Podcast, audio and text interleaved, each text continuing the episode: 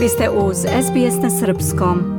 Novo istraživanje pokazuje da migrantkinje i žene izbeglice imaju sve što je potrebno da bi se ublažio postojeći ozbiljan nedostatak stručne radne snage u Australiji, ali da te žene neprestano nailaze na višestruke prepreke – Zaključci istraživanja navedeni su u izveštaju pod nazivom Neiskorišćeni potencijal, koji je po nalogu agencije Settlement Services International sačinio Univerzitet u Kamberi. Savezna ministarka za žene Katie Gallagher je prilikom promocije rezultata studije istakla njen veliki značaj. I cannot overstate the value of this kind of research. It is essential in helping us Vrednost ovakvog istraživanja je nemoguće preceniti. Ono je neophodno da bismo razumeli iskustva i težnje žena koje se često izgube iz vida u opštim podacima. Ono pokazuje da kada postavimo konkretna pitanja o tome kakav je život migrantkinja i žena izbeglica u Australiji, dobijemo obilje podataka o aspiracijama migrantkinja i žena izbeglica, kao i o preprekama sa kojima se suočavaju da bi našle i zadržale odgovarajuće zaposlenje, istakla je ministarka. Istraživanje se bavilo učešćem migrantkinja i žena izbeglica u ekonomskom životu Australije i utvrđeno je da su te žene, iako rođene u zemljama sa niskim ili srednjim prihodima, u proseku više obrazovane od žena rođenih u Australiji. Uprkos tome, veća je verovatnoća da će migrantkinje i žene izbeglice biti zaposlene sa nepunim radnim vremenom, iako bi želele da rade puno radno vreme. To im se često dešava jer im u Australiji nisu priznate stručne kvalifikacije stečene u matičnoj zemlji.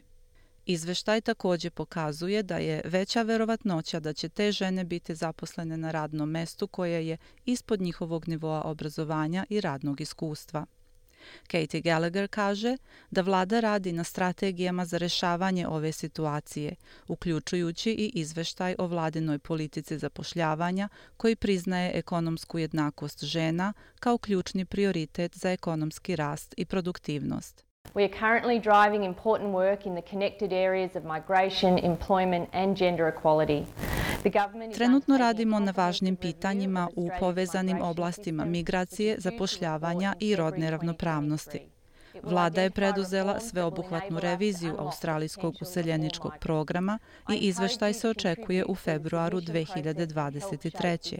Njime će se ukazati na potrebne reforme koje će nam omogućiti da oslobodimo potencijal svih migranata. Podstičem vas da se uključite u proces podnošenjem svojih komentara i tako doprinesete oblikovanju ovog sistema, rekla je ona.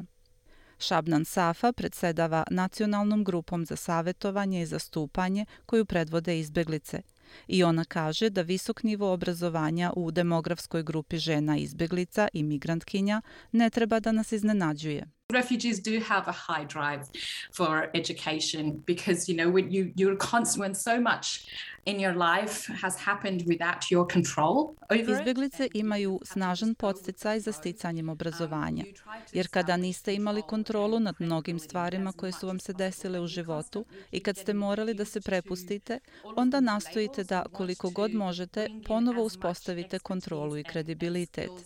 Kad vam neprestano prišivaju sve te etikete, Prosto želite da vas vide i iz drugog ugla i da pokažete što više stručnosti, veštine i znanja, tako da to nije čudno, objašnjava Safa i dodaje da je bitno skrenuti pažnju na snagu i snalažljivost ovih žena.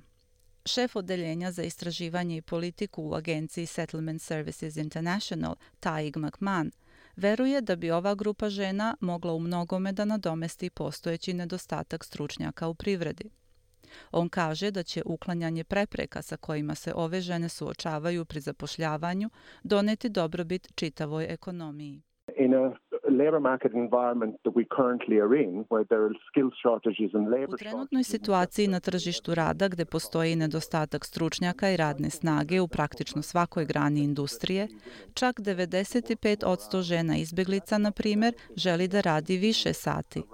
To nije priča koja se često čuje o izbeglicama ili ženama izbeglicama. Izveštaj pokazuje da 95% migrantkinja i žena izbeglica žele da rade više sati, ali se suočavaju s tim da im se stručne kvalifikacije ne priznaju u Australiji. Sadija je radila kao zubarka u Afganistanu pre nego što je bila prisiljena da napusti domovinu prošle godine nakon što su talibani preuzeli vlast. Kada je konkurisala na mesto zubarskog tehničara u Australiji, nije dobila posao jer nema radno iskustvo u Australiji, tako da sada volontira. They refused because I don't have Australian experience.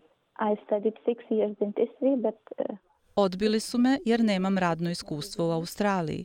Šest godina sam studirala stomatologiju, ali ovde nisu prihvatili moje zvanje.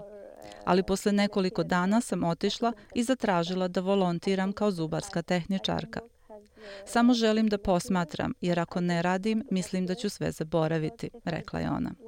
Jedna od članica istraživačkog tima, Heba Batajna, kaže da se radi o dugogodišnjem problemu i da rodna pripadnost igra važnu ulogu. When we look at this, when we have, when we have looked at it historically, we have looked at it with a gender blind or gender neutral lens. And this is a mistake, I think, in terms Istorijski gledano, problemu smo pristupali uh, ne uzimajući u obzir rodnu pripadnost. Mislim da je to pogrešno u tom smislu što se ne prepoznaje da žene drugačije doživljavaju sistem, drugačije doživljavaju porodični život. COVID se naravno drugačije odrazio na žene. Uticao je drugačije na sve žene generalno, ali posebno na migrantkinje i žene izbeglice. Stvari koje pogađaju pripadnice dominantne opšte populacije žena u Australiji dvostruko više pogađaju migrantkinje i žene izbeglice, rekla je ona. Izveštaj preporučuje ciljani pristup i snažnu podršku ženama izbeglicama i migrantkinjama. Istraživači su također pozvali da se izvrši procena efikasnosti programa engleskog jezika za odrasle migrante koji finansira Savezna vlada. Taig McMahon iz agencije Settlement Services International kaže da žene koje su rođene van Australije u zemljama sa niskim i srednjim prihodima, kao i žene izbeglice, treba posmatrati kao novo pridošle u sastavu radne. We mean looking at women who are overseas born from low and middle income countries and refugee women as new entrants to the workforce. So offering things like subsidized entry to bridging um, vocational and tertiary Također kaže da im, na primjer, treba ponuditi subvencionisani upis na kurseve za dokvalifikaciju na ustanovama za stručno i visoko obrazovanje, obezbediti profesionalno usmeravanje, kao i pojednostaviti priznavanje kvalifikacija, kako akademskih, tako i strukovnih. Želite da čujete još priča poput ove? Slušajte nas na Apple Podcast, Google Podcast, Spotify ili odakle god slušate podcast.